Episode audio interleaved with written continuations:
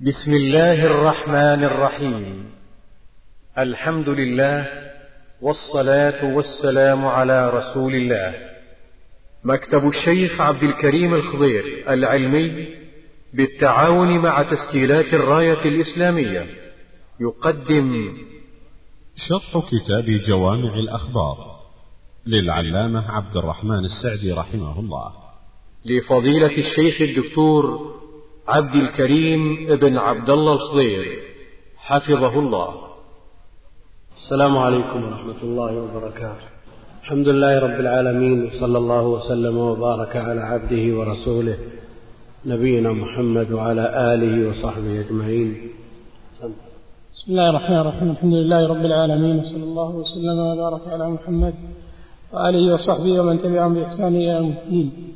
قال المؤلف العلامة الشيخ عبد الرحمن بن ناصر السعدي عليه رحمة الله تعالى الحديث السادس والعشرون عن جابر بن عبد الله رضي الله عنهما قال قال رسول الله صلى الله عليه وسلم يعطيه خمسا لم يعطهن أحد من الأنبياء قبلي نصرت بالرعب مسيرة شهر وجعلت لي الأرض كلها مسجدا وطهورا فأيما رجل من أمتي أدركته الصلاة فليصلي وأحلت لي الغنائم ولم تحل, ولم تحل لأحد قبلي وأعطيت الشفاعة وكان النبي صلى الله عليه وسلم يبعث إلى قومه خاصة وبعثت إلى الناس عامة متفق عليه.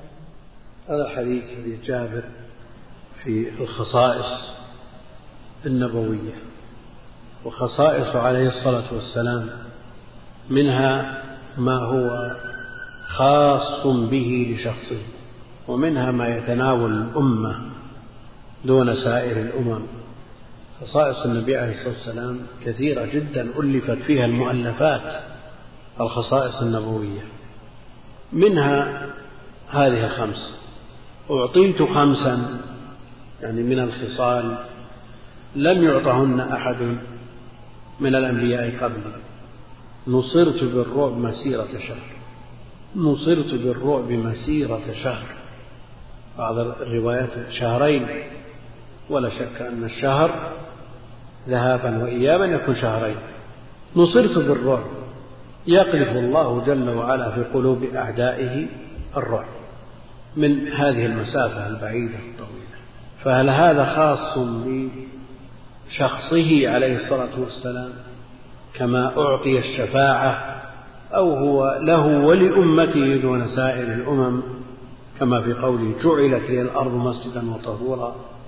بمعنى أنه مهما كانت الأمة من الالتزام والاستقامة وكان قائدها أقرب إلى تحقيق الأوامر والنواهي من غيره وأقرب إلى تطبيق سنة النبي عليه الصلاة والسلام. هل ينصر بالرعب تبعا لنبيه عليه الصلاة والسلام؟ ويكون نصره بالرعب بقدر ما عنده من استقامة. نعم. بحيث لو كان مفرطا ينصر بالرعب مسيرة نصف شهر مسيرة عشرة أيام مسيرة يوم مثلا. أو نقول أن هذا خاص بالنبي عليه الصلاة والسلام كما في قوله وأعطيت الشفاعة لا شك أن الرعب موجود في كل من اقتدى به عليه الصلاة والسلام. والهيبة التي يقذفها الله جل وعلا في قلوب العباد. نعم. وإن كان هذا الشخص في ظاهره صاحب خلق صاحب ابتسام أو صاحب لين جانب لكن بقدر ما عنده من الاستقامة يجعل الله في قلوب غيره من الرهبة له والهيبة ما يجعل. وكل له نصيبه بقدر اقتدائه بالنبي عليه الصلاة والسلام. وهذا شيء مشاهد. تجد الشخص من أهل العلم وإن كان من أسهل الناس ومن أطيبهم خلق وأكثرهم بشاشة تجد أحيانا تريد تسأل خمسة أسئلة تضيع أربعة شو بيسوي بك؟ ما مسوي شيء لكن هذا روح هذه هيبة وهذا حاصل حاصل تأتي إلى الشخص ومن من خير الناس من العباد الزهاد تسأل الله إيش السبب؟ بيده سيف ولا بيه ما النبي لا شك أن مثل هذه هيبة يضعها الله جل وعلا وضعها للنبي عليه الصلاة والسلام ووضعها في أتباعه وكل بحسبه وكل بحسبه. وإلا فالنبي عليه الصلاة والسلام من أسهل الناس خلقا وألينهم جانب عرف بالرفق واللين والحكمة و... والله المستعان. نصرت بالرعب مسيرة شهر وعلى هذا لو كان في الأمة لو كان في الأمة ما يؤهلها لمثل هذا الرعب ما وصلت إلى هذا الحد. وجاء في الحديث في آخر الزمان نعم يوشك أن تداعى عليكم الأمم كما تداعى الأكل على قصعتها. أمن قلة يا رسول الله؟ قال لا كثير.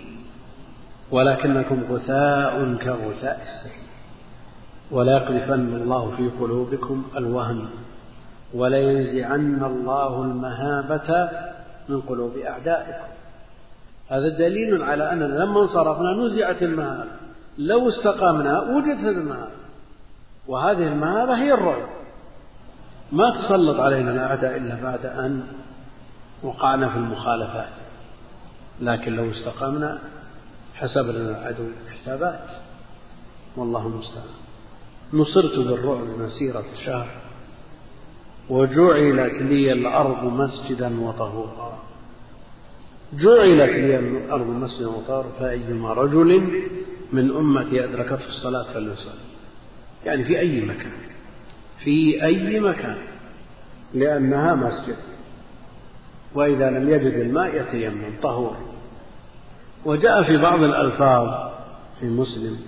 وجعلت تربتها لنا طهورا. جعلت تربتها لنا طهورا اللفظ الذي معنا استدل به من يقول إنه يتيمم على كل ما على وجه الأرض. جعلت الأرض مسجدا وطهورا كلها مسجد طهور. تيمم على أي شيء على وجه الأرض. كل ما على وجه الأرض من صعيد تيمم به. ايا كان. اللفظ الآخر جعلت تربتها لنا طهورا. استدل به من يقول أنه لا يصح التيمم لا يصح التيمم إلا بتراب له غبار يعلق باليد. بدليل تربته جعلت لي الأرض كلها مسجدا. فأيما رجل من متى أدركته الصلاة فليصلي. هذا عام مخصوص. جاء ما يخصصه. مثلا الصلاة في المقبرة. تصح ولا ما تصح؟ نعم. عموم الحديث يتناول المقبرة. نعم. لكن جاء ما يدل على تخصيص بعض البقاع. ما يدل على تخصيص بعض البقاع. طيب. هنا مسألة ويتبناها ابن عبد البر بقوة وهي أن أحاديث الخصائص لا تقبل التخصيص. لماذا؟ لأن التخصيص لأن الخصائص تشريف لهذا النبي الكريم عليه الصلاة والسلام. خصائص تشريف للنبي عليه الصلاة والسلام. والتخصيص الذي هو تقليل أفراد العام تقليل لهذا التشريف. إذا أحاديث الخصائص لا تقبل التخصيص. فعند ابن عبد البر يجوز تصلي في المقبرة. لأنك خصصت. حديث الخصائص وقللت هذا التشريف. إذا تصلي في المقبرة. لأن أحاديث الخصائص لا تقبل التخصيص. هذا الكلام مقبول ولا غير مقبول؟ لماذا؟ نعم. كيف؟ مصادم لنص لكن خلونا نتنزل على رأيه. نقول هذا تشريف وتكريم للنبي عليه الصلاة والسلام ولا شك أن المحافظة على حقوق المصطفى عليه الصلاة والسلام لا بد منها. لكن إذا تعارضت حقوقه عليه الصلاة والسلام مع حقوق الله جل وعلا والمنع من الصلاة في مثل هذا المكان صيانة لحق الله جل وعلا. نعم. صيانة لحق الله جل وعلا. ولا شك أن المحافظة على حق الله جل وعلا أولى من المحافظة على حقه عليه الصلاة والسلام. عند التعارض لا سيما وأن الحق الإلهي يدعمه النص الخاص. إذا مخصص وجعلت لي الأرض كلها مسجدا وطهورا والرواية الأخرى وتربتها. طيب. وش اللي بين التراب والأرض؟ بينهما عموم وخصوص ولا إطلاق وتقييد يعني من قال إنه لا يتيمم إلا بالتراب؟ هل نقول أنه قال الخاص مقدم على العام أو قال المقيد المطلق يقيد بالمقيد نعم مطلق مقيد ولا عام خاص؟ وش الفرق بينهما؟ من أي البابين؟ نعم. عام خاص ولا مطلق مقيد؟ إيش الفرق بين التقييد والتخصيص؟ نعم. التقييد في الأوصاف والتخصيص في الأفراد. إذا هل الأرض ذات أفراد أو ذات أوصاف؟ لأن الحكم يختلف اختلاف جذري إذا قلنا تقييد ولا إذا قلنا تخصيص. نعم. شو نقول؟ ذات أفراد. إذا عموم وخصوص أو ذات أوصاف. لأن الحكم يختلف تبعا لهذا. فالذين قالوا لا يصح التيمم إلا بالتراب. جعلوا ذلك من باب التقييد. والذين قالوا يصح التيمم بجميع ما على وجه الأرض فإما أن يحكموا على الزيادة بأنها شاذة تربتها أو يقولوا من باب العموم والخصوص والتنصيص على بعض أفراد العام بحكم موافق لحكم العام لا يقتضي التخصيص. إنما التخصيص إذا اختلف حكم العام عن الخاص. ها. انتهينا ولا ما انتهينا؟ جعلت لي الأرض مسجدا وطهورا. النص الآخر في الصحيح في مسلم. وجعلت تربتها لنا طهورا. هل نقول أن التراب فرد من أفراد الأرض أو وصف من أوصافها؟ يعني إذا قلنا فتحرير رقبة إذا قيل أعتق رقبة ثم قيل أعتق زيدا أو قيل أعتق مؤمنا. زيد فرد من أفراد العام والمؤمن وصف من أوصافه. فرق بين هذا وهذا. إذا قلنا أعتق رقبة ثم قلنا أعتق زيدا نقول زيد فرد من أفراد الرقبة. وعلى هذا لو أعتقنا رقبة غير زيد لكن ينبغي أن يكون زيد أولى من غيره لأن التنصيص على بعض الأفراد بالحكم الموافق لا يقتضي التخصيص بخلاف ما لو قال أعتق رقبة ولا تعتق زيدا. قلنا لا ما يمكن أن أعتق زيدا لأنه خاص مقدم على لأن الحكم مخالف لكن لما يقول أعتق رقبة وأعتق مؤمنة نحمل المطلق على المقيد. فرق بين هذا وهذا هذا فرد من أفراد العام وهذا وصف من أوصافه وعلى كل حال يعني تحرير الموضوع بدقة لا تجده عند أحد لأنه مشكل يلوكون في مثل هذا ويقول أطلق في وصف الأرض ثم خصص. أطلق ثم خصص؟ هذا موجود في بعض في بعض الشروح. نعم. ولذلك تبقى المسألة إما أن نقول إن كانت من باب العموم والخصوص فالتنصيص على التراب يقضي أنه أولى من غيره العناية بشأنه والاهتمام به لكن التيمم بغيره نعم مجزي لا سيما وأنه يتصور أنه لا يوجد تراب. نجد رمل نجد صخر نجد شيء نعم فإلزام الناس بالتراب مشقة والتيمم إنما عدل عن الوضوء إلى التيمم دفعا للمشقة. وهذا هو اللائق أن نقول أنه من باب العموم والخصوص التنصيص على التراب لكونه أولى. ولا يعني هذا أنه لا يتيمم بغير التراب لأن العدول عن الوضوء إلى التيمم إنما هو رفع المشقة. طيب إذا بغيت أنت مكان ما فيه تراب أما جبال ولا رمال ولا شيء تبي تركب السيارة تدور تراب. يا أخي اركب السيارة دور ما أفضل لك ما ارتفعت المشقة. نعم ما ارتفعت المشقة حينئذ. وعلى هذا إذا قلنا من باب العموم والخصوص يكون التراب أولى من غيره بحيث لو كان عندك منك تراب وبيسارك حجارة ولا رمل تيمم بالتراب أفضل لأن التنصيص عليه يقتضي الاهتمام بشأنها. وإذا قلنا مطلق ومقيد كما يقول الشافعية والحنابلة وقعنا في الحرج فلا تتيمم إلا بالتراب. فأيما رجل من أمتي أدركته الصلاة فليصلي وأحلت لي الغنائم. غنائم أحلت للنبي عليه الصلاة ولم تحل لأحد قبلها. تترك. إن كانت مقبولة جاءت نار فإيش؟ أحرقت.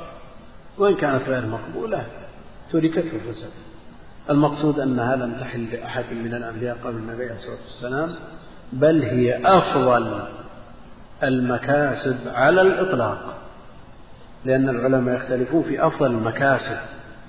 منهم من يقول الصناعة. لأنها مهنة بعض الأنبياء. ومنهم من يقول الزراعة وجاء في فضل الزراعة نصوص. ومنهم من يقول الرعي لأن النبي عليه الصلاة والسلام رعى الغنم وما من نبي إلا رعى الغنم. لكن يبقى أن الغنائم هي أطيب وأفضل المكاسب على الإطلاق. لأن النبي عليه الصلاة والسلام يقول وجعل رزقي تحت ظل رمحي. فهي أطيب المكاسب وأحلت إلى الغنائم ولم تحل وأعطيت الشفاعة والمراد بها الشفاعة العظمى التي تخلص الناس من شدائد الموقف. ويعتذر عنها الأنبياء يعتذر عنها أولو العزم. ويقول النبي عليه الصلاة والسلام أنا لها وكان النبي يبعث إلى قومه خاصة. وبعثت إلى الناس عامة. الأنبياء كلهم دعواتهم خاصة. ولذا يسوغ للشخص أن يتعبد على ديانة موسى مع وجود عيسى لأن عيسى بعث إلى قومه. يسوغ للخضر أن يتعبد ويخرج عن شريعة موسى لأن موسى ليست رسالة عامة. لكن هل يسوغ لأحد الآن بعد بعثة النبي عليه الصلاة والسلام أن يتعبد بغير ما شرعه الله على لسان نبيه عليه الصلاة والسلام. لا يمكن.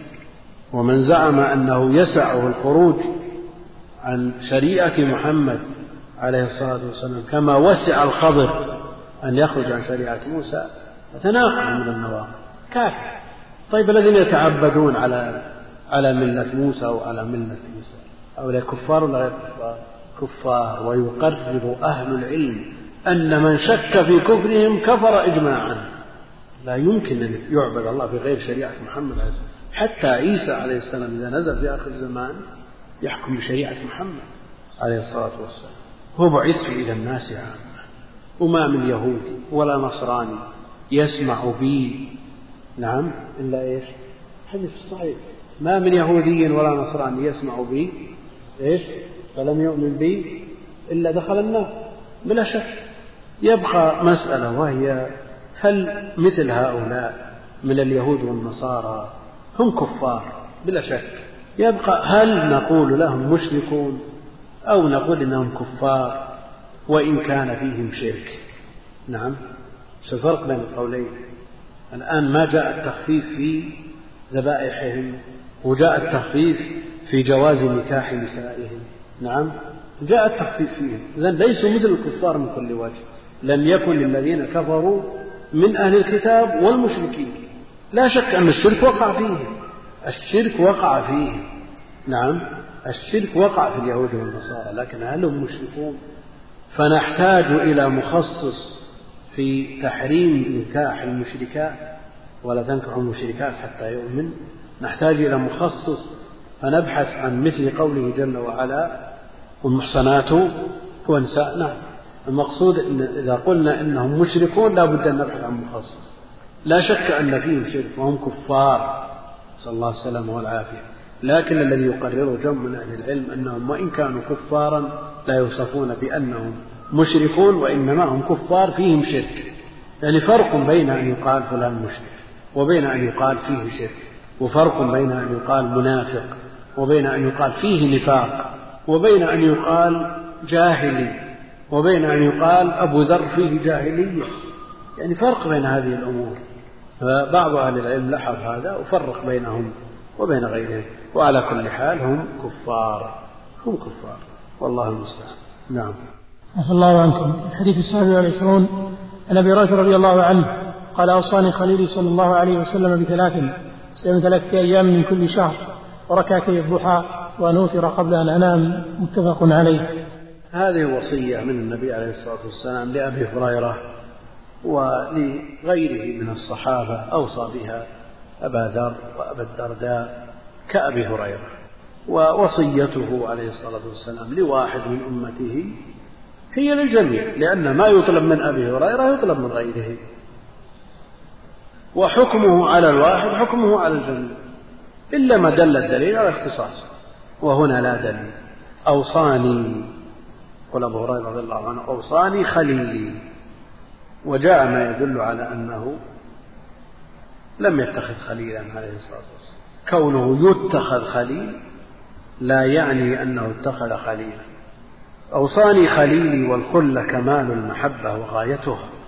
وينبغي أن يكون كل مسلم يحب النبي عليه الصلاة والسلام غاية المحبة. أكثر من حبه لنفسه. والمراد بالمحبة المحبة التي بها يؤثر أمره ونهيه وشرعه على هوى نفسه وولده ووالده والناس أجمعين. أوصاني خليلي صلى الله عليه وسلم بثلاث ثلاث خصال ثلاث خلال صيام ثلاث أيام من كل شهر. وهذا يعدل صيام السنة يعدل صيام السنة لأن كل يوم بعشرة أيام الحسنة بعشر أمثالها فالصيام ثلاثة أيام مع ثلاثين يوم. فإذا صام الإنسان ثلاثة أيام من كل شهر كأنه صام الدهر فكأنما صام الدهر. صيام ثلاثة أيام ممدوح ولا مذموم؟ نعم مذموم ممدوح. صيام الدهر ممدوح ولا مذموم؟ نعم مذموم. كيف؟ يشبه. الممدوح بالمذموم. نعم؟ كيف؟ في الأجر نعم. يعني التشبيه لا يلزم أن يكون من كل وجه. قد يكون المشبه به له أكثر من وجه للشبه فيشابهه من وجه دون وجه. يعني تشبيه رؤية الباري برؤية القمر هل هي من كل وجه؟ لا تشبيه رؤية برؤية للمرء بمرء نعم. تشبيه الوحي وهو محمود بصلصلة الجرس المذموم. من الوجه المحمود لا الوجه المذموم. وقل مثل هذا في تشبيه تقديم اليدين على الركبتين ببروك البعير. والمسألة تطول يعني لو أخذنا أفرادها وفصلنا. نعم. ما انتهت. لكن هنا شبه صيام ثلاثة أيام بصيام الدهر. في الأجر والثواب. لا على ما يترتب على صيام الدهر من الذم الوارد في النص صيام ثلاثة أيام جاء تقييدها بأنها الأيام البيض الثالث عشر الرابع عشر والخامس عشر. جاء في حديث مقبول لا بأس به. يمكن أن يعتمد عليه.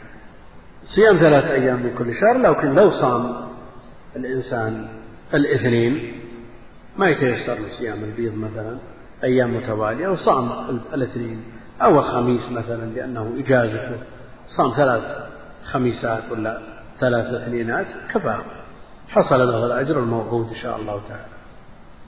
صيام ثلاثة أيام من كل شهر وركعتي الضحى. ركعتي الضحى.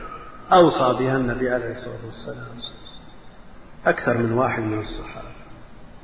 وجاء في حديث يصبح على سلامة كل واحد منكم صدقة. والإنسان فيه من السلامة ثلاثمائة وستين مفاصل عليه أن يتصدق بثلاثمائة وستين صدقة ويكفي عن ذلك ركعتان تركعهما من الضحى.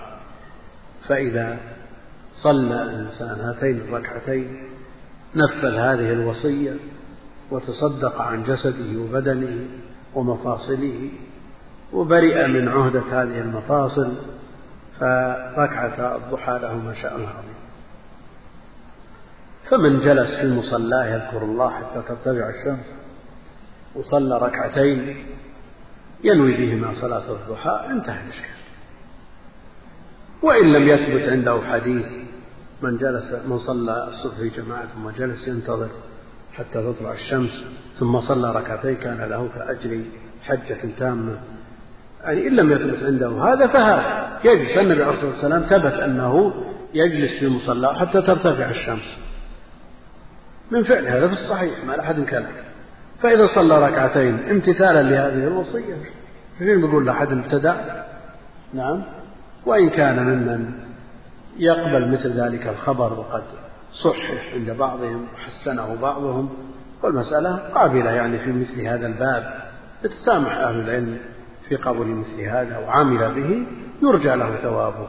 أما ابن القيم رحمه الله تعالى في طريق الهجرتين شرح حال المقربين وذكر برنامجهم اليومي وشرح حال أصحاب اليمين وهم دونهم في المنزلة.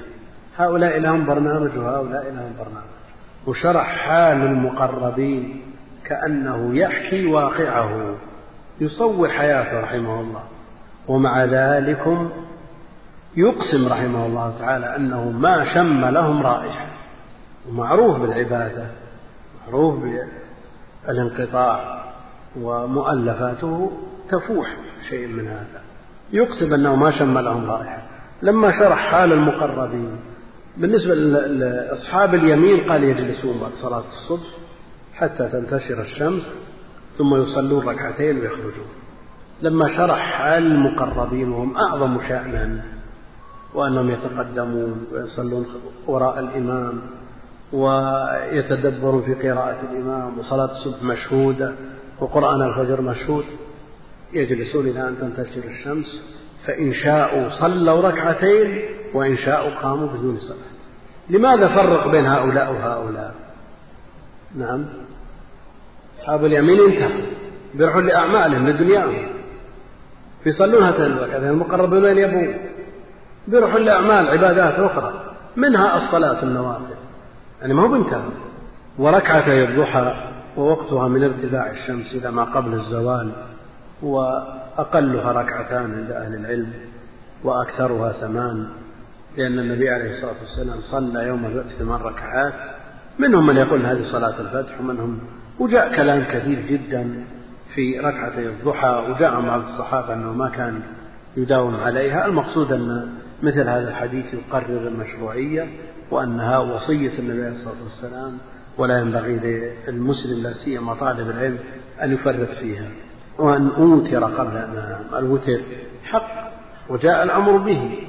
وهو من آكد العبادات والنبي عليه الصلاة والسلام لم يتركه سفرا ولا حضرا وأقله ركعة لأنه ثبت عن بعض الصحابة أنه أوتر بركعة وأكثره إحدى عشرة أو ثلاثة عشرة كما جاء عن النبي عليه الصلاة والسلام وجاء عنه أيضا صلاة الليل مثنى مثنى وهذا يقتضي إطلاق العدد ولو مئة ركعة لأنه صلاة الليل مثنى مثنى فإذا خشيت الصبح فأوتر بواحد صلي واحد توتر لك ما قد صليت المقصود أن ليس هناك عدد محدد لا يزاد عليه ولا ينقص. لأن عائشة تقول ما زاد عليه الصلاة والسلام عن إحدى عشرة وثبت بالفعل أنه زاد. يعني هذا على حد علمها وإطلاق الخبر مع قوله عليه الصلاة والسلام أعني على نفسك بكثرة السجود يدل على أنه لا حد لكن من تقيد بغالب أحواله عليه الصلاة والسلام وهو الإحدى عشرة. كما وكيفا؟ لا شك أنه أفضل. كما وكيفا؟ ما يقول لي 11 يصلي عشر دقائق يقول خلاص هذا قيام النبي عليه الصلاة والسلام. لا يا أخي. قرأ في الركعة الأولى البقرة ثم النساء ثم آل عمران. إيش تسوي أنت؟ تقول لي خلاص أنا اقتديت وينتهي نعم إذا اقتديت بالكم تنظر إلى الكيف. وإلا جاء في النصوص ما يدل على أن على المسلم أن يكثر من التعبد. أعني على نفسك بكثرة السجود والإكثار من التعبد ما لم يكن عائقا عما هو أهم منه مشروع. يبقى أن هناك موازنة بين الفضائل. وأثر عن سلف هذه الأمة الركعات في اليوم والليلة بالمئات. وإن كان بعضهم يذكر أعداد قد لا يستوعبها الوقت. لما قال صاحب منهاج الكرامة الرافضي بن مطهر الحلي أن علي بن أبي طالب يصلي في اليوم والليلة ألف ركعة. قال شيخ الإسلام الوقت لا يستوعب. استوعب ألف ركعة؟ لكن أثر عن الإمام عاد أنه يصلي في اليوم والليلة ثلاثمائة ركعة. إذا قلت ثلاثمائة ركعة والركعة المجزية يعني أقل قدر مجزي تؤدى بدقيقة يحتاج إلى ست ساعات. إذا قلنا دقيقتين ليطرش قليلا وبيطمئن 12 ساعة. والله المستعان. والإنسان إذا عرض هذه الأمور وهذه الأحوال على على حاله وفعله وطريقة يعني يكاد يجزم بأن هذا مستحيل. لكن هناك أمور مجربة ظنت مستحيلة صارت من أيسر الأمور. كنا إلى عهد قريب نظن أن حفظ عشرة آلاف حديث مستحيل ما يمكن يحافظ بها. ولا نوجد من الشباب من يحفظ عشرة آلاف. فكنا نظن أن ما في أحد يمكن يجلس ويقرأ القرآن بجلسة مستحيل. وجلس. بل من طلوع الشمس إلى أذان الظهر ختم إيش صار؟ وكنا نقول وين اللي يقرون؟ خلاص انتهى. ما عاد جلد ولا صبر. وجد من يقرأ 12 ساعة في الكتب. مسألة مسألة تحتاج إلى تعرف على الله في أوقات الرخاء. وتقدم لنفسك ويعينك ربك. والنفس تحتمل وتنقاد إذا روضت على مراد الله جل وعلا. وأن أوتر قبل أن أنام وهذا بالنسبة لمن خشي أن لا يقوم من آخر الليل. وقد كان أبو بكر رضي الله عنه يوتر قبل أن ينام لأنه يخشى أن تغلبه عيناه فيفوته الوتر. وعمر رضي الله عنه يوتر من آخر الليل. والنبي عليه الصلاة والسلام يوتر آخر وصلاة آخر الليل أفضل اجعلوا آخر صلاتكم بالليل وترا والصلاة في الثلث الأخير في وقت النزول الإلهي لا شك أنها أفضل الحديث الثامن والعشرون عن أبي هريرة رضي الله عنه قال قال رسول الله صلى الله عليه وسلم إن الدين يسر ولن يشاهد الدين أحد إلا غلبه. سددوا وقاربوا وأبشروا. استعينوا بالغدوة والروحة وشيء من الدلجة. وفي لفظ والقصد القصد تبلغ متفق عليه. هذا الحديث حديث أبي هريرة رضي الله عنه قال قال رسول الله صلى الله عليه وسلم إن الدين يسر. الدين يسر وليس فيه عسر. يسر ولا تؤسر ربنا ولا تحمل علينا إصرا كما حملته على الذين فديننا يسر. وهذه الكلمة ينبغي أن تنزل في منزلها في منزلتها اللائقة بها ليس للإنسان أن يتنصل من التكاليف والواجبات استدلالا بأن الدين يسر. إذا خرج عن المألوف وشق عليه قال ما جعل لكم في الدين من حرج. نعم. الدين لا شك أنه يسر بمعنى أن جميع التكاليف ونلاحظ كلمة تكاليف مع قوله جل وعلا لا يكلف الله نفسا إلا وسعها إذا فيه تكليف. ليس معنى كونه يسر أنه لا يأتي بما لا تهواه النفوس ويشق أحيانا على بعض الناس. لا فيه تكاليف. وفيه ما يشق على النفوس وفيه خلاف ما تهواه القلوب وما جبلت عليه النفوس.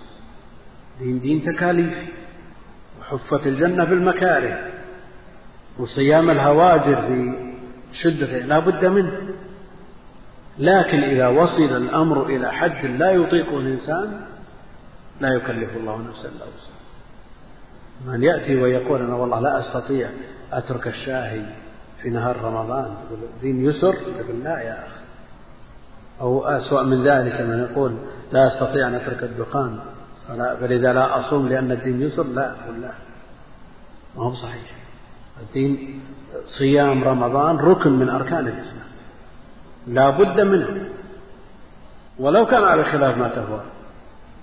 لكن إذا وصل إلى حد لا يطيقه الإنسان لا يمكن أن الدين بشيء لا يستطيع الإنسان الاتيان به. إن الدين يسر لأن هذه الكلمة الآن صارت تتداول. يتداولها من بعض من يروج للخروج من الدين والانسحاب من الدين من أهل الزيغ من المفتونين. يروجون بالنصوص الصحيحة الصريحة. نعم. وينسون التكاليف يعني يصل الحد ببعض العشاق مثلا إلى قريب من الموت. نقول الدين يسر اتصل بمن عشاق نعم. لا يكلف الله أنت ما تستطيع. افعل ما شئت ما هو صحيح ما هو صحيح أبدا. وما نهيتكم عنه فاجتنبوه مهما كان الأمر. والدين يسر تقول أنا والله ما أقدر أصلي مع الجماعة. الدين يسر. والرسول يصلي قائما استطاع فلم تستطع فقاعد وإن استطاع على جنب يصلي هو بالفراش نقول لا يا أخي حيث ينادى بها ومع ذلك الدين يسر ما كلفك بأمر لا تطيع؟ ما قال صلاة الظهر ثلاث ساعات؟ صلاة الظهر ما تزيد على عشر دقائق. هل في هذا ما يشق؟ هل هذا في هذا ما لا تطيقه؟ الأبدان له ومع ذلك هم تكاليف. ولن يشاد الدين أحد إلا غلبه. نعم تأتي إلى المشروعات فتزيد عليها تنقطع. شيء شرعه الله جل وعلا فتزيد عليه. تقوم الليل كله تصوم النهار كله لا بد أن تنقطع. تكون كالمنبت. ولن يشاد الدين أحد إلا غلب الدين يسر في جميع تكاليفه. عقائد. أصول الدين ميسرة مسهلة واضحة ولله الحمد. وكذلك فروع الصلوات في حدود المقبول والمعقول والمطاق. وجعل لك فسحة إذا كنت تستطيع الزيادة من التنفل فانفع نفسك. وأكثر من ذلك إذا لم تستطع شغلك شاغل معذور. اشتغلت بأمر مهم كذلك اشتغلت بالأهم. كذلك. لكن ما أن تترك كل شيء وتقول الدين يسر هذا أخذ إيمان ببعض الكتاب وكفر ببعض. ولن يشاد الدين أحد إلا غلبه. دخل النبي عليه الصلاة والسلام على عائشة وعندها امرأة اسمها الحولى بنت تويت تذكر من صلاتها وصيامها. ولا حبل إذا تعبت تستمسك به. وقال النبي عليه الصلاة والسلام مه مه اكففوا اتركوا عليكم من الدين ما تطيقون فإن الله جل وعلا لا يمل حتى تملوا. ولا شك أن الإكثار الذي يخرج عن حد المشروع مآله إلى الانقطاع مآله إلى الانقطاع. فسددوا وقاربوا وأبشروا سددوا وقاربوا. وتنوع العبادات. مقصود شرعي. تنوع العبادات من مقاصد الشرع. شرع نوافل الصلاة شرع نوافل الصدقات شرع النوافل للصيام. أما الأمور المفروضة الواجبة التي مكتوبة لا بد من القدر المشترك فيها على جميع المكلفين إلا العاجز. يبقى أن ما زاد على ذلك من النوافل تنوعت العبادات رحمة ورفقا بالعباد لأن الناس يتفاوتون في في ميولهم واتجاهاتهم. بعض الناس عنده استعداد يصلي مئة ركعة ولا يدفع ريال واحد. بعض الناس عنده استعداد يصوم الأيام المتتابعة الهواجر ولا يدفع نزر يسير من ماله بعض الناس مستعد يدفع الأموال الطائلة ولا يصلي ركعتين. هذا لا شك أن هذا من رحمة الله بعباده. الذي له ميول إلى الإنفاق ينفق الذي له ميول إلى العبادات البدنية يتعبد الحمد لله. ويبقى أن القدر المشترك بين الجميع والفرائض لا بد منها. والتفاوت هذا في النوافل. وأنتم تدركوا أحيانا الإنسان عنده استعداد يجلس ساعتين ثلاث يقرأ عشرة أجزاء من القرآن ثم جاء إلى صلاة الركعتين. من أصعب الأمور. شاهدوا الطلاب ومر عليكم مذاكرة مذاكرة يجلس إلى الثلث الأخير من الليل ثم يكون الوتر عليه ولو بثلاث ركعات أشق من الجبل فالنفس أحيانا تنشط وأحيانا تكسل أحيانا تميل إلى العمل هذا أحيانا وهذا التنوع نعمة ورحمة من الله جل وعلا بعباده فسددوا وقاربوا تسديد والمقاربة المطلوبة يعني ابن عمر جاءه شخص مقبل راغب في العبادة وقال إنه يريد أن يقرأ القرآن في كل يوم. يريد أن يقرأ القرآن في كل يوم. قراءة القرآن في كل يوم ممكن وأثرت عن بعض السلف. وجاء عن عثمان أنه قرأ القرآن في ركعة وجاء عن كثير من التابعين أنهم يقرؤون القرآن في كل يوم لا سيما في المواسم. قال النبي عليه الصلاة والسلام اقرأ القرآن في شهر. اقرأ القرآن في شهر. يا رسول الله أطيق أكثر من ذلك. اقرأه في بالشهر مرتين. اقرأ القرآن ثلاث مرات في الشهر. ثم قال له اقرأ القرآن في سبع ولا تزد ولا تزد في هذا درس ينبغي أن ينتبه له المربون. إذا جاءك شخص مندفع أكثر عليه. لأنك لو أعطيته قلب اقرأ القرآن في كل يوم قلت له لا أقرأ الشهر اقرأ القرآن في ثلاث مثلا. الرغبة تحدوه إلى أن يقرأ القرآن في كل يوم. ما هو ما هو مش اللي صار من ابن عمر. صار يقرأ القرآن في ثلاث وأخيرا قال ليتني قبلت وصية النبي عليه الصلاة والسلام. فإذا جاءك شخص مندفع تمتص منه شيء. لأنه إذا أعطيته شيء بيزيد. نعم وهذه طبيعة النفس جبلة النفوس على هذا. إذا جاءك شخص متراخي ما يفتح القرآن. يا أخي تقول عثمان يقرأ القرآن في ركعة. وين أنت؟ ما تفتح القرآن إلا في رمضان. أنت يسر لك. جيت قبل الإقامة. وأنت طالب علم كذا والسلف حالهم مع القرآن كذا. شجعه تنهض من همته. فالمسألة مسألة علاج. وهكذا ينبغي أن يكون حال الداعية مع اختلاف المدعوين. أحيانا يكون الداعية في أوساط مفرطة متشددة. هؤلاء يحسن بالداعي أن يلقي عليهم من نصوص الوعد نعم فيهم من التشديد وفيهم الشبه من الخوارج وفيهم كذا يلقي عليهم نصوص الوعد ويكثر من هذه النصوص ليمتص بعض ما عنده. إذا كان في المقابل في مجتمع متفلت ضايع مفرطين هؤلاء يعالجهم بنصوص الوعيد. ولذا جاءت النصوص الشرعية بهذا وهذا. وإلا بالإمكان أن ينزل القرآن على صفة واحدة على وصف متوسط. لا إفراط ولا تفريط لا وعد ولا وعيد على القدر المطلوب. لا. لأن النفوس ليست واحدة. النفوس ليست لأن لو جاءت على وتيرة واحدة كلها بالتوسط فلا بد من أن يشط يمين ولا يسار. خلوا ينشط لليمين يعالج بنصوص اليسار. انشط إلى اليسار يعالج بنصوص اليمين وبهذا تبرز وسطية هذه الملة. وسطية هذه الملة تبرز بمثل هذا.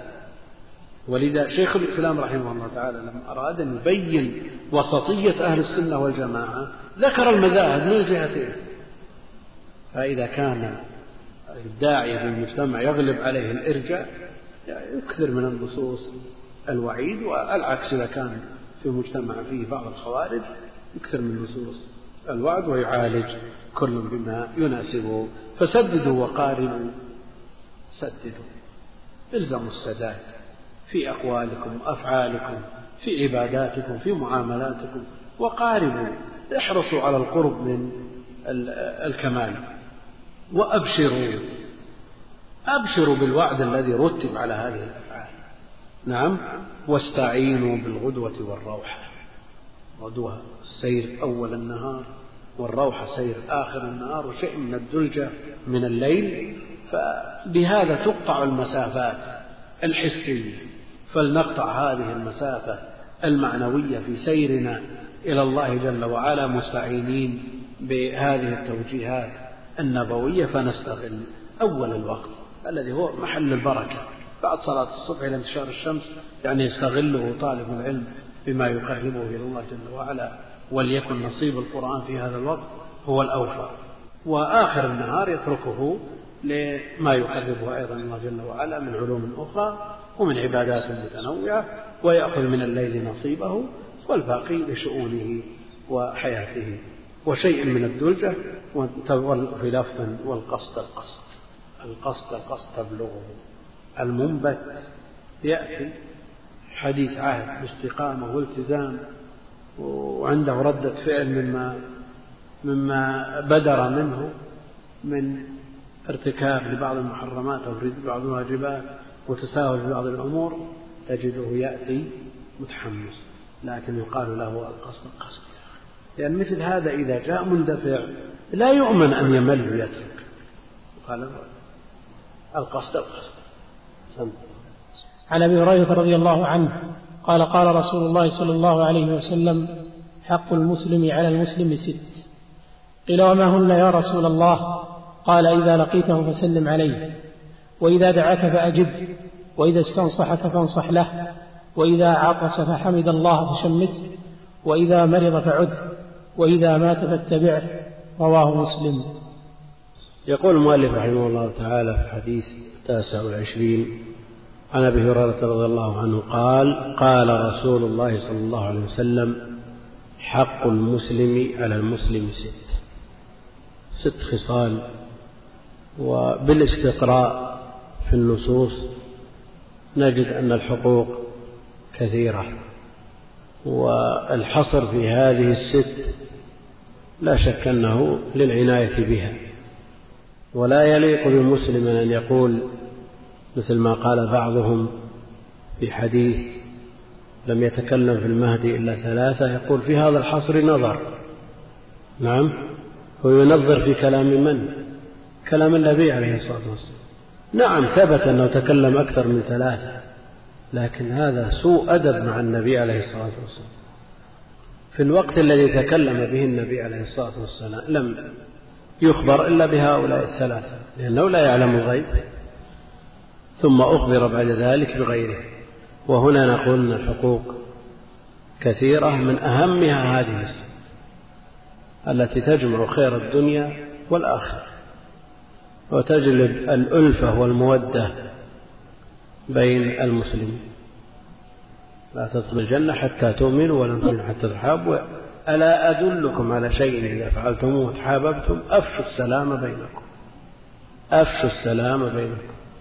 ولهذا قال الخصلة الأولى حق المسلم على المسلم ست قيل يا رسول الله وما هن؟ وما هن يا رسول الله؟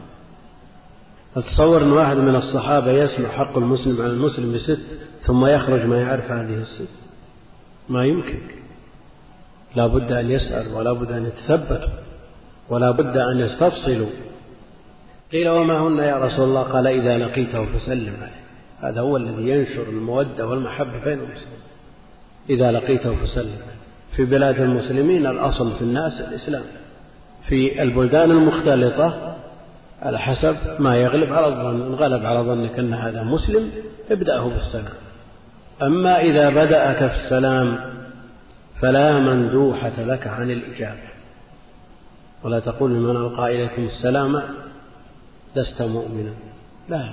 إذا ألقى عليك السلام تجيب. فإن غالب على ظنك أنه مسلم تقول وعليكم السلام ورحمة الله وبركاته. وإن غلب على ظنك أنه ليس بمسلم تقول وعليكم الجواب لا بد منه. إذا لقيته فسلم عليه. السلام له آداب والتوجيه الشرعي جاء بالأولى بالبداءة أن الصغير يسلم على الكبير والراكب على الماشي والماشي على الجالس والعدد القليل على الكثير وهكذا. لكن إذا حرم الأولى مر شخص كبير شخص صغير ما سلم الصغير. نقول خيرهما الذي يبدأ بالسلام. خيرهما الذي يبدأ بالسلام. لأن بعض الناس تأخذ العزة بالإثم ويقول لا الحق لي. وهذا يستعمل تستعمل في الأقارب بكثرة. تجد هذا أكبر من هذا يقول لا أنا ما أزور الحق لي تجد هذا عم وهذا ابن أخ العم يزور ابن أخيه يقول لا الحق لي والنبي عليه الصلاة والسلام يقول خيرهم الذي يبدأ بالسلام. إذا لقيته فسلم عليه. السلام سنة مؤكدة عند أهل العلم ورده واجب. إذا حييتم بتحية فحيوا بأحسن منها أو ردوها فإذا قال المسلم السلام عليكم يقول المجيب وعليكم السلام ورحمة الله. زاد وبركاته في كل جملة عشر حسنات. يخير المسلم بين التعريف والتنكير. فيقول السلام عليكم أو يقول سلام عليكم. هذا بالنسبة في السلام على الحي. يخير بين التعريف والتنكير. السلام على غير المسلم بداءته بالسلام. السلام الذي هو السلام المشروع في حق المسلمين. لا تجوز بداءتهم السلام لكن إذا سلم عليه بمثل ما جاء في القرآن والسنة. السلام على من اتبع الهدى. هذا هو الأصل. ورد السلام ينبغي أن يكون بالأحسن أو أقل الأحوال بالمثل. قال السلام عليكم تقول وعليكم السلام. والأحسن أن تقول رحمة الله وبركاته. ولا يجزي عن هذا غير هذه الجملة. فإذا سلم فقال السلام عليكم. بعض الناس يقول صباح الخير بعض الناس يقول أهلا وسهلا. كثير من أهلا وسهلا أو يقول مرحبا. وثبت عن النبي عليه الصلاة والسلام أم هانئ جاءت فسلمت عليه. وأيضا فاطمة ابنته أم هانئ تقول السلام عليك يا رسول الله. فقال من أنت؟ قالت أم هانئ قال مرحبا بأم هانئ وما نقل أنه رد السلام بلفظه؟ فمن أهل العلم من يرى أن الرد يجزي بمثل هذا مرحبا لأن النبي عليه الصلاة والسلام رد بها ويسقط به الواجب والجمهور على أنه لا يسقط الواجب بمرحبا فقط. ولو لم تنقل للعلم بها ما نقلها الرواة للعلم بها ولأنها وردت في أحاديث كثيرة. إذا لقيته فسلم عليه وإذا دعاك فأجبه. نعم تجبر خاطره تجيب دعوته.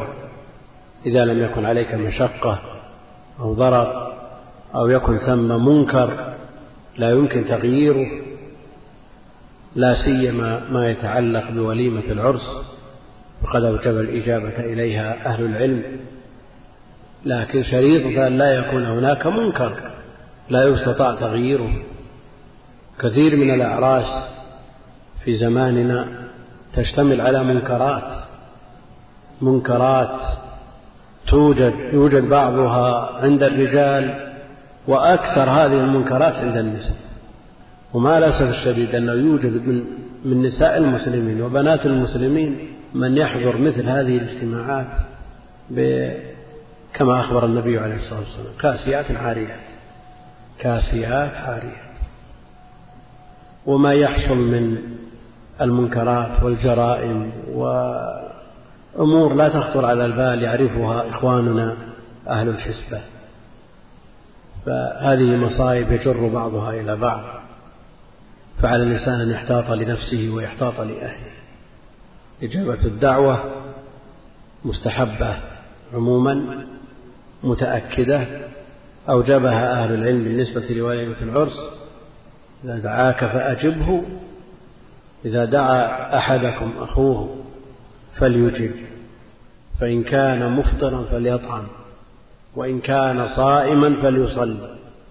كان صائما فليصلي. صلي يعني يدعو. الصلاة اللغوية وإن قال بعضهم أن المراد بالصلاة الشرعية صلي ركعتين وينصرف. على كل حال إجابة الدعوة إذا لم يكن هناك منكر وإلا فدرء المفاسد مقدم على جر المصالح. وأيضا إذا كان الداعي ماله حلال أما إذا كان ماله كسبه حرام فمثل هذا لا ينبغي إجابة دعوته وإذا دعاك فأجب. الصحابة رضوان الله عليهم دعا بعضهم بعضا وأجاب ورجع بعضهم بسبب يسير. في أعيننا لا شيء وجد ستائر على الجدران سلمان وأبو الدرداء دعاهم ابن عمر فلما دخلوا وجدوا ستائر على الجدران فرجع ما كانوا يظنون بابن عمر مثل ابن عمر الزاهد في زهده وورعه يضع ستائر على الجدران إيش هالمنكر ذا اللي, اللي يعني في عرفنا؟ إيش يصير؟ فيما نسمع وما نرى من المنكرات. تداولها الناس من غير نكير. والله المستعان. إذا دعاك فأجب وإذا استنصحك فانصح له. تقدم في حديث الدين النصيحة ما يغني عن كثرة الكلام في هذه الجملة على كل حال استنصحك طلب منك النصيحة. أراد أن يدخل في مشروع علمي ولا تجاري ولا أي تنصح تمحضه النصيحة إذا أراد أن يستشيرك في مصاهرة فلان أو التزوج من فلانة أو ما أشبه ذلك يجب عليك أن تمحضه النصيحة وأن تحب له ما تحب لنفسك. وإذا عطس فحمد الله فشمته إذا عطس عطاس معروف تخرج معه الأبخرة من الدماغ التي لو تراكمت لأضرت بالإنسان فهذه نعمة. العطاس نعمة. العاطس يحمد الله شكرا على هذه النعمة ويستحق أن يشمت. فإذا عطس وقال الحمد لله يشمت فيقال يرحمك الله. ويجيب العاطس بقوله يهديكم الله ويصلح بالكم.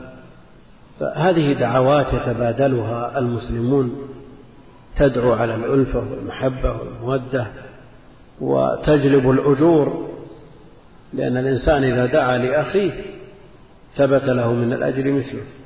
وإذا مرض فعده. زيارة المريض وعيادته تضافرت بها النصوص. كانت زيارته وهو سليم ليس بحاجة إليك من أفضل الأعمال.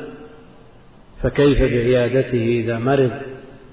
اطمئنانا على صحته وتأنيسا له وتذكيرا له.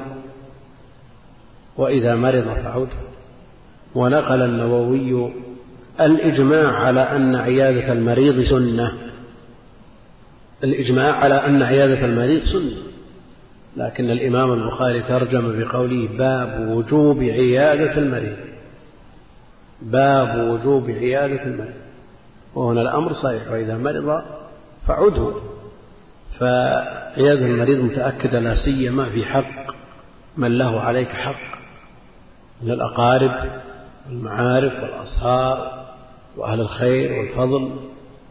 ومن تريد أن تسدي له نصيحة في مثل هذا الظرف عله أن يتدارك ما فات فالأجور تتضاعف بما يحتف بها وإذا مرض فعوده ويعاد المريض ولو كان لا يعي. بعض الناس يقول فلان بالعناية جيت ولا ما جيت ما في فرق. أدناه ولا ما أدناه ما يدري عنه. وزيارة المغمى عليه سنة. والنبي عليه الصلاة والسلام زار جابرا وهو مغمى عليه المقصود أن مثل هذا ينبغي أن تفطن له ولا يحرم الإنسان نفسه. تجد كثير من الناس تمر عليه السنة ما زار المستشفيات ولا زار المقابر مثلا قبور والتعب تذكر ودعا لإخوانه ولا عاد زار أقاربه ولا تبع جنازة. هذا حرمان. ونجد من بعض المسلمين من يتتبع الجنائز يصلي عليها ويتبعها للأجر الثابت في ذلك ويعود المرضى ويحافظ على الواجبات ويأتي بجميع ما ندب إليه من المستحبات أو بجلها أو كثير منها ويقرأ ويعلم وهو أيضا في عمله. البركة ما لها نهاية. ويوجد يعني من المسلمين من يداوم الدوام الكامل وله نصيب وافر من قراءة القرآن ويدرس في كل يوم في آخر النهار ويزور القبور ويزور المرضى ويجيب الدعوات وله نصيب من قيام الليل ومن التأليف ومن بعض الناس يقول شو نلحق تلحق يا أخي. بس مرن نفسك على برنامج معين وانتهى الإشكال. وإذا مرض فعده وإذا مات فاتبعه. إذا مات فاتبعه. صل عليه لتحصل على قيراط وشيعه شارك في دفنه لتحصل على القيراط الثاني. لا يفرط في مثل هذه الأجور إلا محروم. والله المستعان. نعم. أحسن الله إليكم. حديث الثلاثون عن أبي موسى الأشعري رضي الله عنه. قال قال رسول الله صلى الله عليه وسلم إذا مرض العبد أو سافر كتب له ما كان يعمل صحيحا مقيما. رواه البخاري. حديث ثلاثون عن أبي موسى رضي الله تعالى عنه.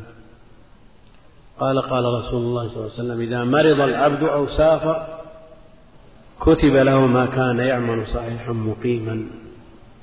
هذا فضل من الله جل وعلا لأن المرض يعوق العبد عن مزاولة ما كان يعمله في حال الصحة. فإذا حال المرض دونه ودون ما كان يعمله في حال الصحة كتب الله له من الأجر مثله. وقل مثل هذا فيما إذا سافر. سفرا والسفر محفوف بالمشقة وهو قطعة من العذاب كما جاء في الحديث الصحيح. يعوق المسلم عن ما يعمله في حال الإقامة في حال السعة ومن فضل الله جل وعلا أن يسر مثل هذه الأمور وأعظم فيها الأجور. فإذا حصل للإنسان ما يعوقه عن عمله الصالح ما كان يعمله في حال الصحة والإقامة فمن فضل الله جل وعلا أنه يكتب له. وهذا يدلنا على أن على أنه لا بد من الاهتمام في العمل وقت الصحة والإقامة. لأنه إذا كان الإنسان ما عنده عمل في حال الصحة وش يكتب له في حال المرض؟ مثل ما يكتب له هو صحيح. كيف يكتب له؟ وما كان يعمل شيء في حال الصحة. إلا إسقاط الواجبات المسألة مفترضة في مسلم. يعمل الواجبات ويترك المحرمات. لكن هذا فيه حث على الإكثار من الأعمال الصالحة في حال الصحة قبل المرض. وعلى المسلم أن يغتنم حال الصحة قبل المرض. يعني التنظير لمثل هذا شخص يعمل الأعمال الكثيرة يتنفل بأنواع العبادات القاصرة والمتعدية. مريض يكتب له لكن شخص ما يعمل شيء. يعني أحيانا الدرجات في الاختبارات تقسم إلى قسمين تحريري وشفوي. يختبر الطالب التحريري وترصد له الدرجة. يضيق الوقت عن الاختبار الشفوي. فيقول المدرس ندبل الدرجة هذا اللي ذاكر وأجاب جوابا طيب للتحريري يستفيد. لكن اللي ما جاوب التحريري وش يدبل ومرة طالب من هذا النوع قال يا شيخ أنا لا يصعب علي اختبار الشفوي أنا أتلعثم أنا ما عندي جرأة أنا ادبل لي درجة التحريري قلت يا أخي من مصلحتك أن تختبر شفوي. قال لا أنا لا أطيق مدري قلت من مصلحتك تختبر شفوي؟ قال يا شيخ أنا لا أستطيع إن أدى الأمر إلى ذلك تركت. قلت يا أخي اخذوا صفر بالتحرير. شو إيش ندبل لك مثل هذا يا أخي اللي ما كان يعمل شيء في حال الصحة. وش يكتب له في حال المرض؟ والذي لا يعمل شيء في حال الإقامة والسعة والراحة ماذا يكتب له في حال السفر؟ في هذا حث على العمل في حال الصحة. اغتنم خمسا قبل خمس. صحتك قبل مرضك. لا شك أن المرض يعوق ما دمت صحيحا معافى. اغتنم هذا نعمتان مغبون فيهما كثير من الناس. الصحة والفراغ. إذا مرض وضعفت قواه ضعف سمعه تقول سمعه ضعف بصره. يصل الحد بعض الناس إلى أنه لا يستطيع أن يحمل المصحف. أخي استعمل جوارح قبل أن تضرب اغتنم حال الصحة والفراغ. لا تبلى بمرض ثم بعد ذلك كيف تعمل؟ تندم ولا ولا ساعة مندم ومثل هذا الفراغ الناس الحمد لله الآن في فراغ تام وراحة بال. ما يغتنمون مثل هذه الأمور. ولذا الغبن هنا نعمتان مغبون فيهما كثير من الناس. تضييع للصحة وإهدار للأوقات ثم بعد ذلك إذا انتبه في آخر وقت إلى ما نشأ.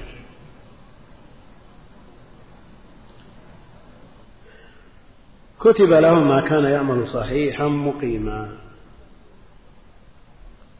فإذا كان يعمل في حال الصحة ثم جاءه المرض وحال دونه ودون العمل ثم تحامل على نفسه مع المرض وعمل هذا ثوابه لا يقدر عند الله جل ثوابه عظيم. مثل هذا إذا كان معذور من العمل ثم تحامل على نفسه وعمل مثل هذا ثوابه لا شك أنه عظيم. ومثله لو سافر إذا الرواتب عند الجمهور لا تفعل في حال السفر لأنها مضمونة.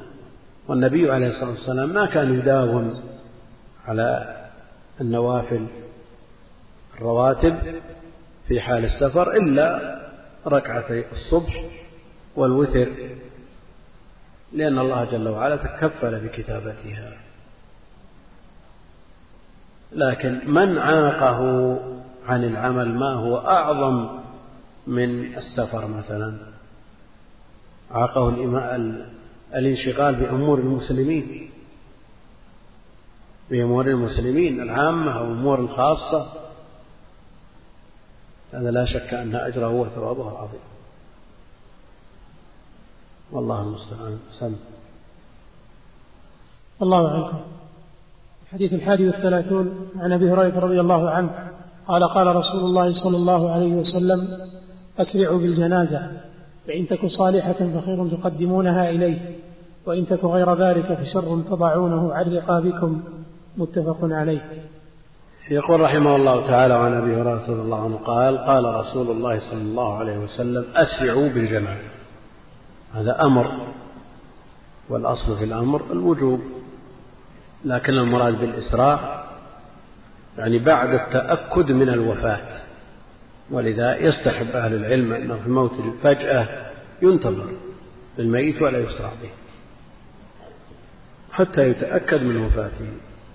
وحصل بعض القضايا النادرة التي كتب التقرير على أنه مات وانتهى ثم يتبين أنه ما مات. فلو أسرع بمثل هذا كان الأمر خطير. فمثل هذا يتأخر به ومثله من له من أقرب الناس إليه كان غائب مثلا مثل هذا ينتظر إذا كان قريبا. نقله من بلد إلى بلد يكون أيسر إلى أهله ومعارفه وذويه إذا لم يترتب عليه تأخير ومشقة. أيضا هذا يرخص فيه بعض أهل العلم. فالأمر بالإسراع نسبي أسرعوا بالجنازة. يعني في تجهيزها الصلاة عليها وتشييعها ودفنها والعلة في ذلك فإن تك صالحة فخير تقدمونها إليه.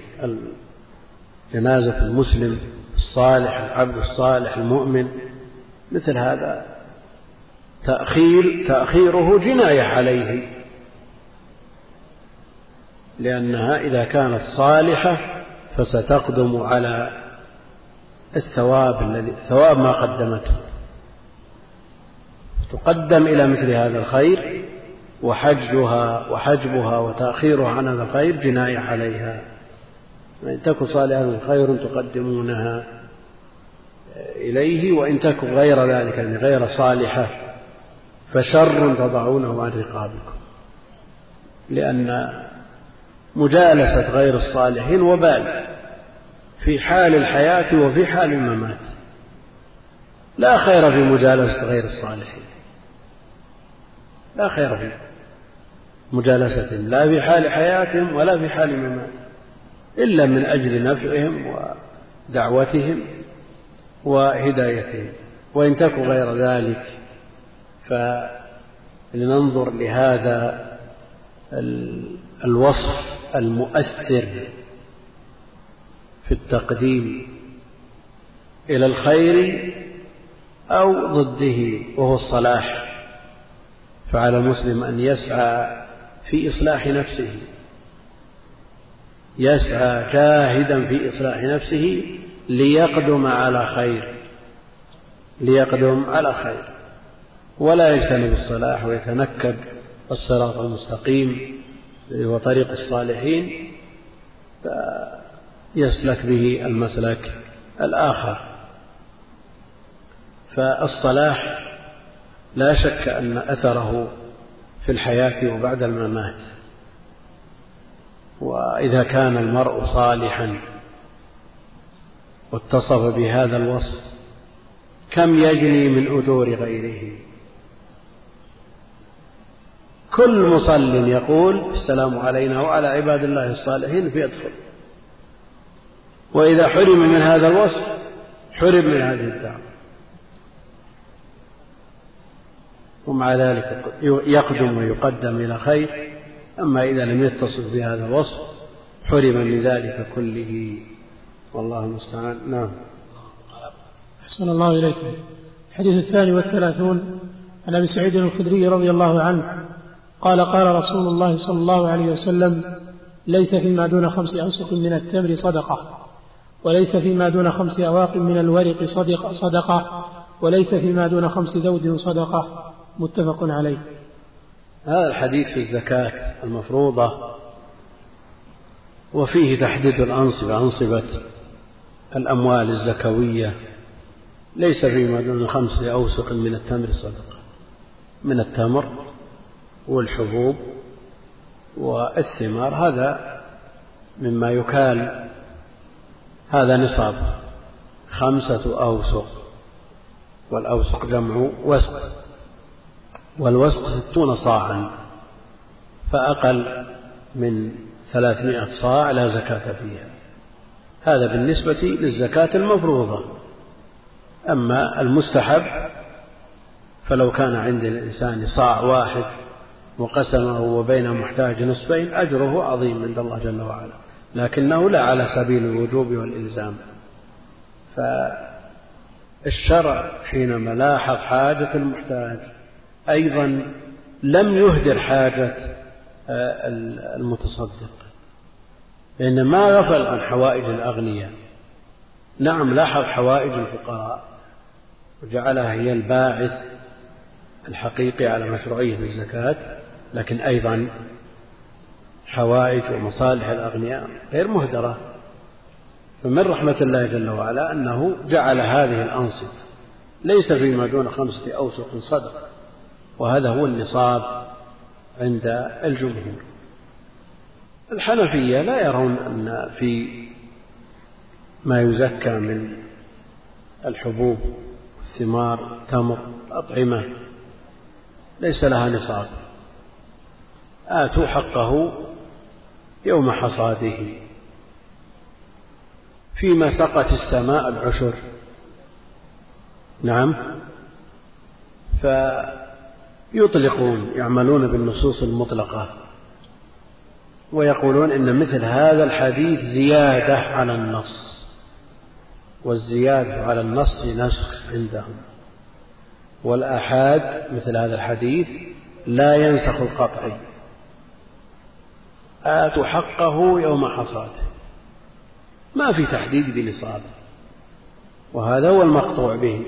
والحديث يقول آحاد. والزيادة على النص نسخ. والزيادة والنسخ لا يكون إلا بمساو القطع لا ينسخ إلا بقطع. لكن أهل العلم قاطبة على أن أخبار الآحاد إذا صحت أنها يجب العمل بها. العمل بها واجب. ولو لم تبلغ حد القطع والتواتر. ولا يلزم من كونها أخبار آحاد أو لا تفيد العلم أنه لا يجب بل يجب العمل بها. وجوب العمل بأخبار الآحاد قول عامة من يعتد به من أهل العلم ولم يخالف في ذلك إلا أهل البدع. الحنفية يعملون بأخبار الآحاد يعملون به لكن عندهم هنا فيه شيء من التعارض. نعم التقييد والتخصيص فيه مشابهة للنسخ لأنه نسخ جزئي للحكم نسخ جزئي. إيش معنى نسخ جزئي؟ إذا خصصنا النص العام بدليل يقتضي التخصيص أخرجنا بعض أفراده وإخراجنا لبعض أفراد العام إلغاء.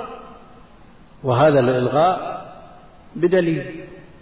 فهو نسخ وإن لم يكن كليا إلا أنه جزئي. ومثله التقييد. وعندهم أن النسخ لا يكون بين المراتب المختلفة من النصوص. فعامة أهل العلم على أن هذا تخصيص أو قل تقييد تقييد والتقييد ليس بنسخ. حتى عند من يقول أن الآحاد لا ينسخ المتواتر ما يطبق عليه مثل هذا. لأن النسخ والتقييد ليس بنسخ. وإن كان جزئيا إلا أنه ليس بنسخ. على كل حال الراجح في المسألة معروف قول الجمهور وليس فيما دون خمس أواق من الورق صدقة. هذه هذا نصاب الفضة. والورق هي الفضة. مضروبة كانت أو غير مضروبة.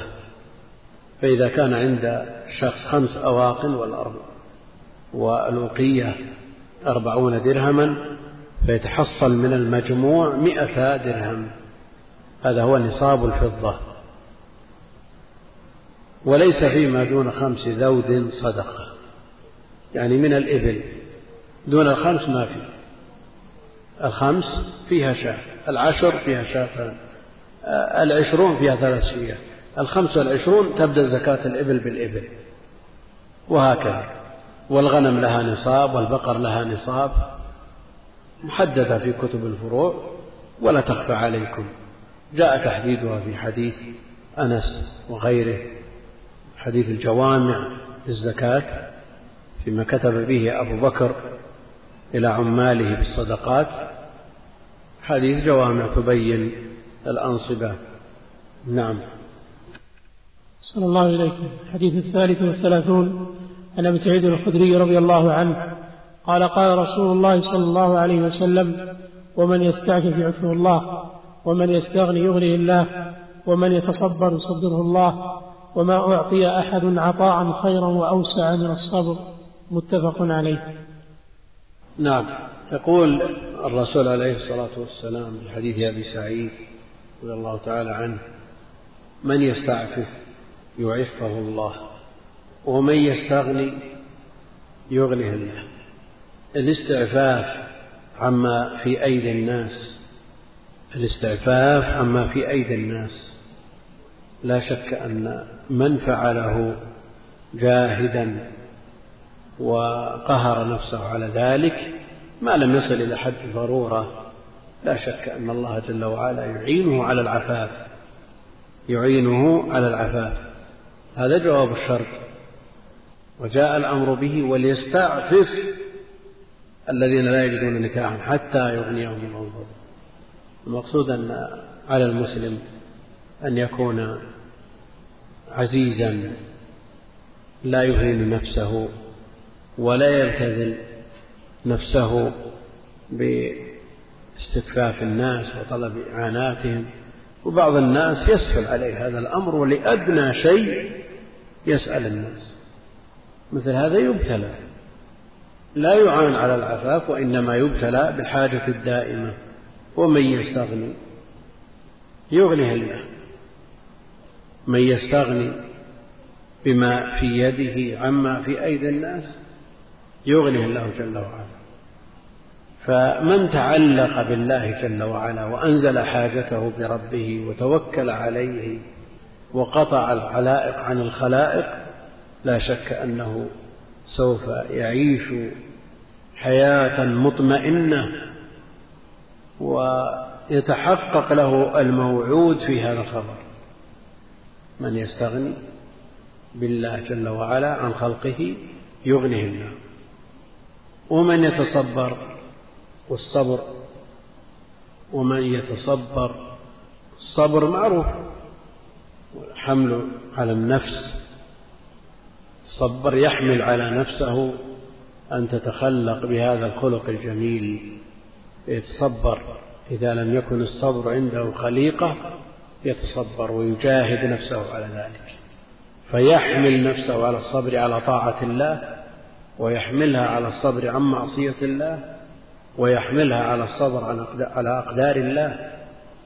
فإذا وجدت عنده هذه الملكة وهذه السجية فليحمد الله على ذلك. إذا لم توجد عنده يحمل نفسه عليها ويجاهد نفسه عليها حتى تكون عنده خليقة وملكة. يصبره الله يعينه الله تعالى على الصبر والصبر ثوابه عظيم. إنما يوفى الصابرون أجرهم بغير حساب. وبشر الصابرين الذين إذا أصابتهم مصيبة قالوا إنا لله وإنا إليه راجعون والنصوص كثيرة. فلا بد من الصبر على طاعة الله. لا بد من الصبر عليه. يقول الجادة طويلة من يبي يصبر على هذه التكاليف. اللي ما يصبر عليه يصبر على نار جهنم بعد. بعض الناس يقول يا محر شديد كيف نصبر على الصيام؟ كيف نصبر على الجهاد في أيام الحر؟ يقول الله جل وعلا قل نار جهنم أشد حرا. يعني إن لم يصبر هذه الساعات وهذه الأيام وعيده في جهنم نسأل الله العافية. فليصبر على طاعة الله وليصبر عن معصية الله. يقهر نفسه. لا شك أن الشهوات تنازع الإنسان والنفس الأمارة والشيطان. إذا اجتمعت له هذه الأمور لا شك أنه تدعوه نفسه إلى ذلك وتتوق إليه لكن عليه أن يقهر نفسه ويحمل نفسه على الصبر عنها وإنما يصبر ساعات. ثم بعد ذلك يبشر بشر الصابرين وليصبر على أقدار الله. فإذا أصيب الإنسان بمصيبة عليه أن يرضى ويصبر ويحتسب الأجر من الله جل وعلا. فإن صبر له الأجر العظيم وإن لم يصبر فالأمر بضد ذلك. فالأجر معلق بالصبر. من سخط فعليه السخط. على كل حال المصائب جاء فيها أنها مكفرات للذنوب وقد يبتلى الإنسان بأمر يخرج من ذنوبه بسببه. يخرج من ذنوبه كله. والله جل وعلا يبتلي عباده وقد يكتب لعبده منزلة لا يبلغها بعمله فيصاب. ومن يرد الله به خيرا يصب منه. وحينئذ عليه أن يصبر ويحتسب لينال الأجر العظيم من الله جل وعلا. منهم من يرى أن الثواب المرتب على المصيبة غير الثواب المرتب على الصبر. فالمصائب مكفرات صبر أو لم يصبر. مكفرات عند بعض أهل العلم فإذا صبر كان له أجر الصبر وهو قدر زائد. لكن الجمهور على أنه إذا لم يصبر فلا أجر له. لا أجر له على هذه المصيبة وقد يأثم إذا اقترن بذلك تسخط واعتراض وما أشبه ذلك. وما أعطي أحد عطاء خيرا وأوسع من الصبر. نعم. لأن الإنسان لا بد أن يعرض له أمور في حياته أمور كثيرة جدا في كل ساعة وفي كل يوم على خلاف ما تهواه نفسه من طلب من طلب إيجاد فعل أو طلب كف. نعم على خلاف ما تهواه الناس. وقد يعتريه ما يعتريه. لكن إذا كان من أعطي الصبر وصبر على ما أمر به وصبر عما نهى عنه وصبر على ما يعتريه أثناء حياته مدة بقائه في هذه الدنيا لا شك أنه اتصف بهذه الخصلة التي قال عنها النبي عليه الصلاة والسلام وما أعطي أحد عطاء خيرا وأوسع من الصبر. لأن الصبر يحتاج إليه في كل لحظة. ما يمكن أن يستغني الإنسان عن الصبر ولا لا. الحياة كلها مجبولة على الكدر. طيب في أمورك العادية إذا لم تصبر. عندك سلعة تريد بيعها ما انباعت أول يوم ثاني يوم إيش تسوي؟ إذا ما جبلت على الصبر. نعم تنتظر زيد من الناس تأخر حصل له أو تأخر إذا ما تصبر إيش يصير؟ تحترق وبعدين إيش الفائدة وبعض الناس ينتظر ينتظر شخص على موعد معه يتأخر خمس دقائق يطلع ويدخل يخرج يجي يقف على الرصيف ينتظر وبعدين شو